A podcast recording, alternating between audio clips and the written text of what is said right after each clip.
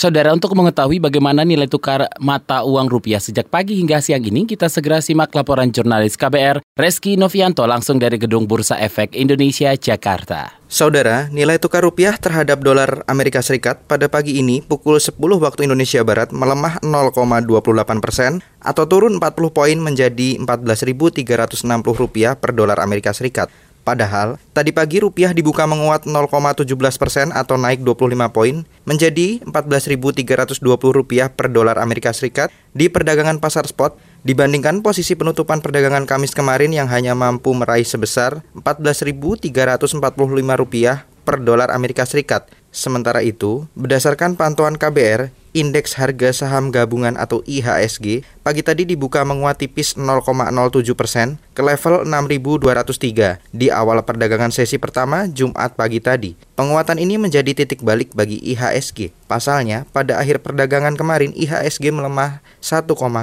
persen.